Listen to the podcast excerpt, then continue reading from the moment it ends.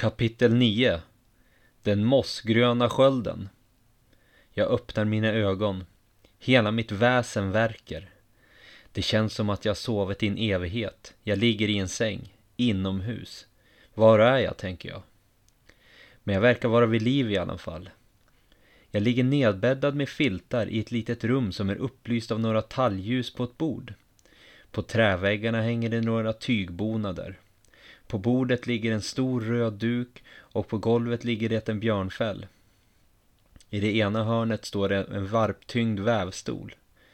Det finns en stängd dörr som leder ut ur rummet. Vem bor här? Mitt sinne verkar så mycket att jag knappt kan tänka klart. Min kropp är helt stel och jag kan knappt röra mig. Min mun är torr och jag är törstig. Jag sträcker sakta ner min hand under filtarna för att känna på såret. Det är lindat och tvättat. Till min förvåning är jag naken under filtarna. Några rena kläder ligger hopvikta intill sängen. Jag hostar kraftigt och rosslar upp slem från halsen. Om någon bor här så måste det ha hört mitt hostande. Fotsteg hörs svagt utanför dörren. Det kommer närmre. Dörren öppnas och in kommer en medelålders kvinna. Hon är lång, ljus, blond och blåögd. Klädd i en grå klänning med ett brunt förkläde över.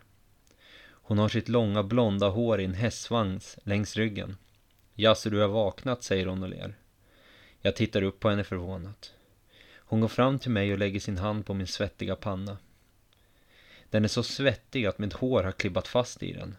Du är fortfarande varm, fortsätter hon. Var är jag, flämtar jag fram. Du är hemma hos mig och jag heter Sygin, svarar hon samtidigt som hon häller upp ett horn med vatten ur en träkanna. Du har svävat mellan liv och död. Nu behöver du vila, säger hon och räcker mig hornet. Jag sträcker sakta fram mina skakiga, svaga händer och tar emot det. När jag dricker det kalla vattnet känner jag hur det fuktar och kyler min insida ända ner till buken. Blotragna lämnade dig här. Du var i riktigt dåligt skick. Han kommer tillbaks för att hämta dig vid höstblotet. Lite mindre än tre månvarv från idag, fortsätter hon. Tre månvarv är ju en hel evighet, tänker jag. Hon går ut genom dörren. När hon kommer tillbaks igen så har hon med sig ett fat med saltat fläsk. Du måste äta för att återfå dina krafter, säger hon och matar mig med små fläskbitar med händerna. Bara något så enkelt som att tugga maten känns utmattande. Ett svagt tack lyckas jag klämma fram. Det såg illa ut. Men nornorna, som spinner allas livstrådar, har bestämt ditt öde sedan länge och din tid är inte kommen ännu, säger hon. Du gör bäst i att somna om, fortsätter hon och går ut ur rummet igen. Jag begrundar rummet ännu en gång. På golvet framför sängen ligger en träbalja för mina behov. Hon kommer tillbaks igen. Denna gång med en kanna varm mjölk. Hon häller upp mjölken i hornet och räcker det till mig. Drick den här så somnar du nog, säger hon. Jag är redan dödstrött och mjölken lägger in nådastöten. Jag sluter ögonen och somnar. Efter ett tag så vaknar jag upp igen. Ingen aning om det är natt eller dag, regn eller solsken. Rummet har inga fönstergluggar. Jag mår något bättre nu, men jag är fortfarande så svag att jag knappt kan resa mig upp. Sigun kommer in i rummet och matar mig med ost, bröd och vatten. Man får riktigt bra mat på den här gården, tänker jag. Sigen klipper mina naglar på både fingrarna och tårna. Enligt sägen så bygger jättarna sitt skepp nagelfar av döda människors naglar. Så det är bäst att hålla dem kortklippta hela tiden ifall man skulle stupa tvärt. Man vill ju inte påskynda att deras skepp ska bli färdigt. Varför gör du det här? frågar jag henne. För att jag har lovat blotragnar. Och för att korsbärarna dräpte min make Agne, säger hon nedstämt och tittar ner mot mitt ben. Hon drar bort filten och blottar mitt skadade lår.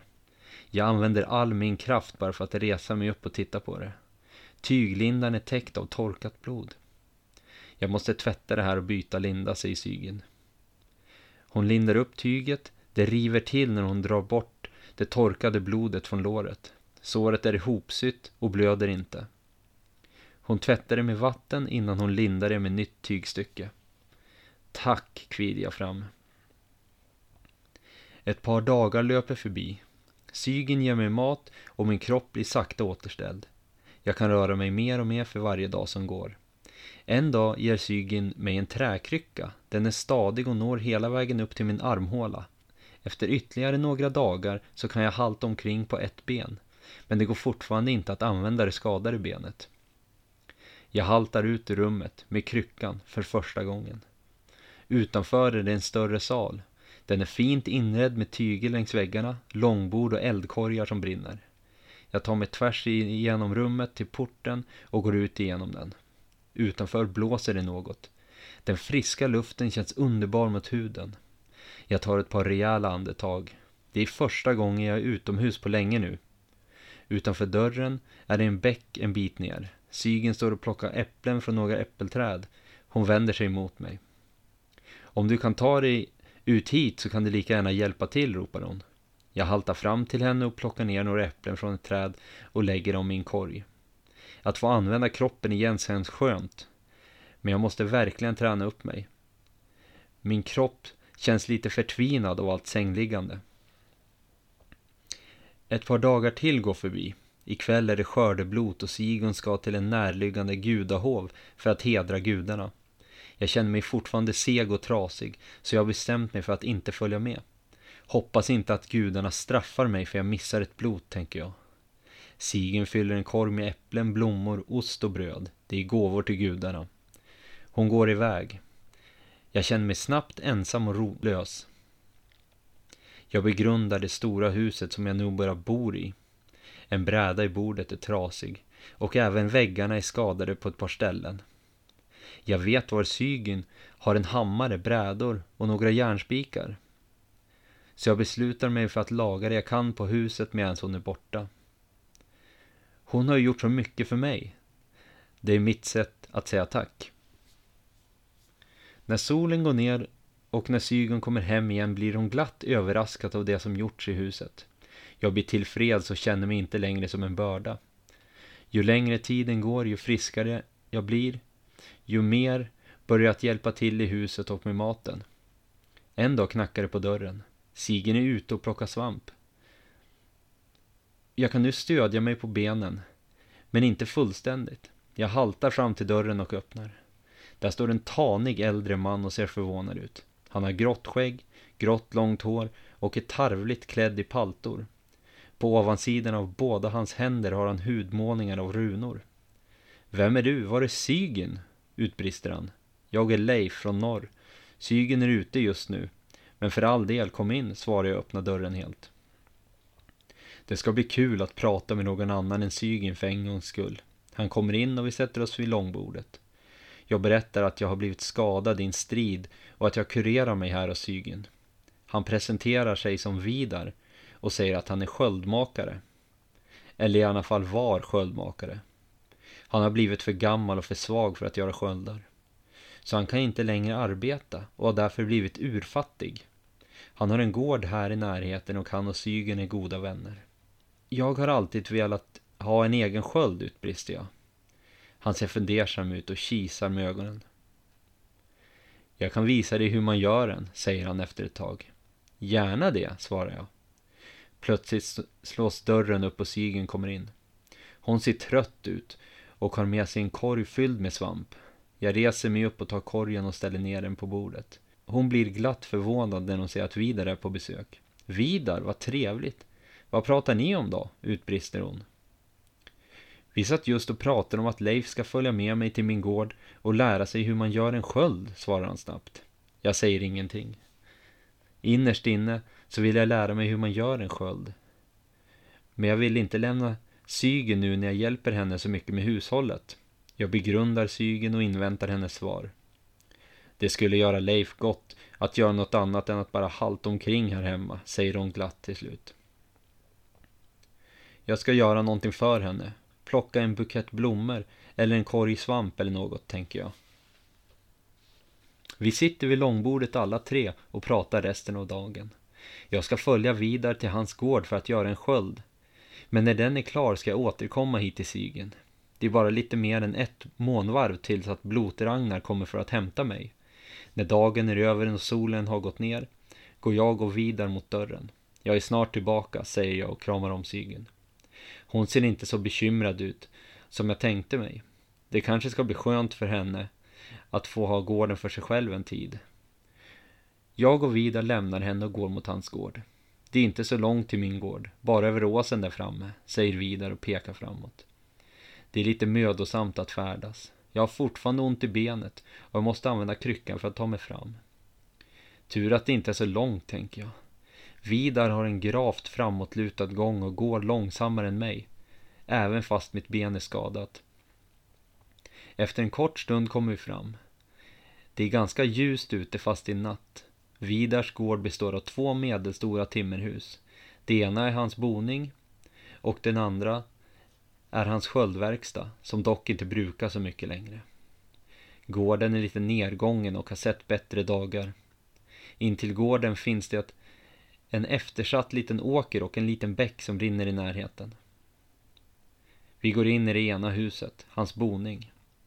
Inne i huset luktar det lite unket och instängt.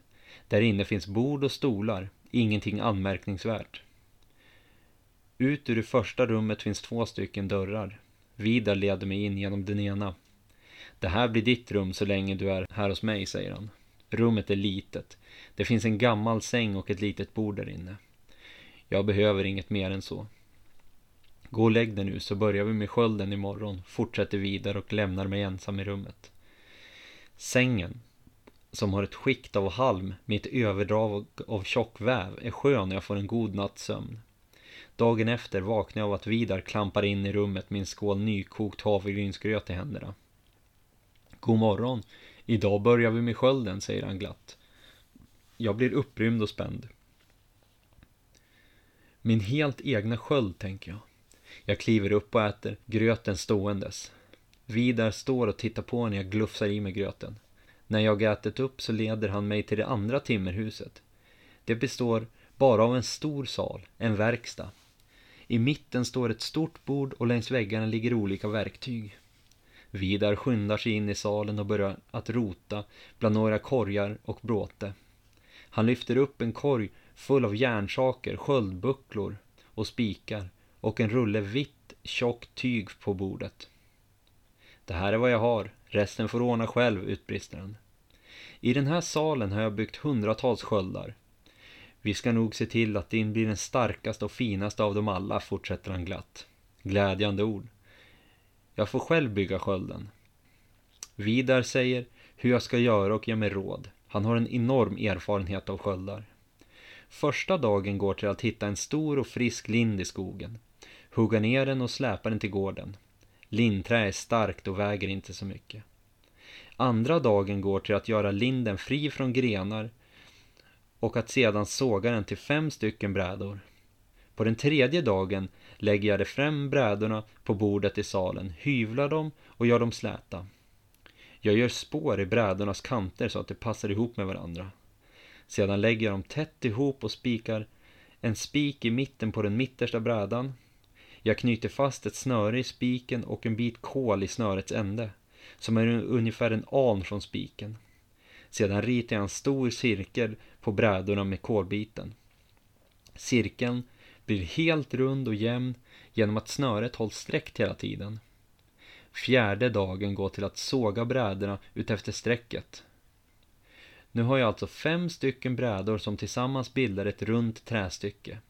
Jag trär en tjock läderrem runt trästyckets kant och spikar fast den. De fem brädorna börjar nu att likna en sköld, dock bräcklig. Jag bestämmer mig för att skölden ska bli grön. Det är en bra färg om man inte vill synas för mycket i skogen. Femte dagen går till att plocka blommor som ska färga tyget, som ska klä skölden. Jag plockar färgreseda som ger gult och vejde som ger blått. Blandar man dem så blir det grönt. Hela dagen går åt att hitta tillräckligt med blommor. På den sjätte dagen blir det växtfärgning.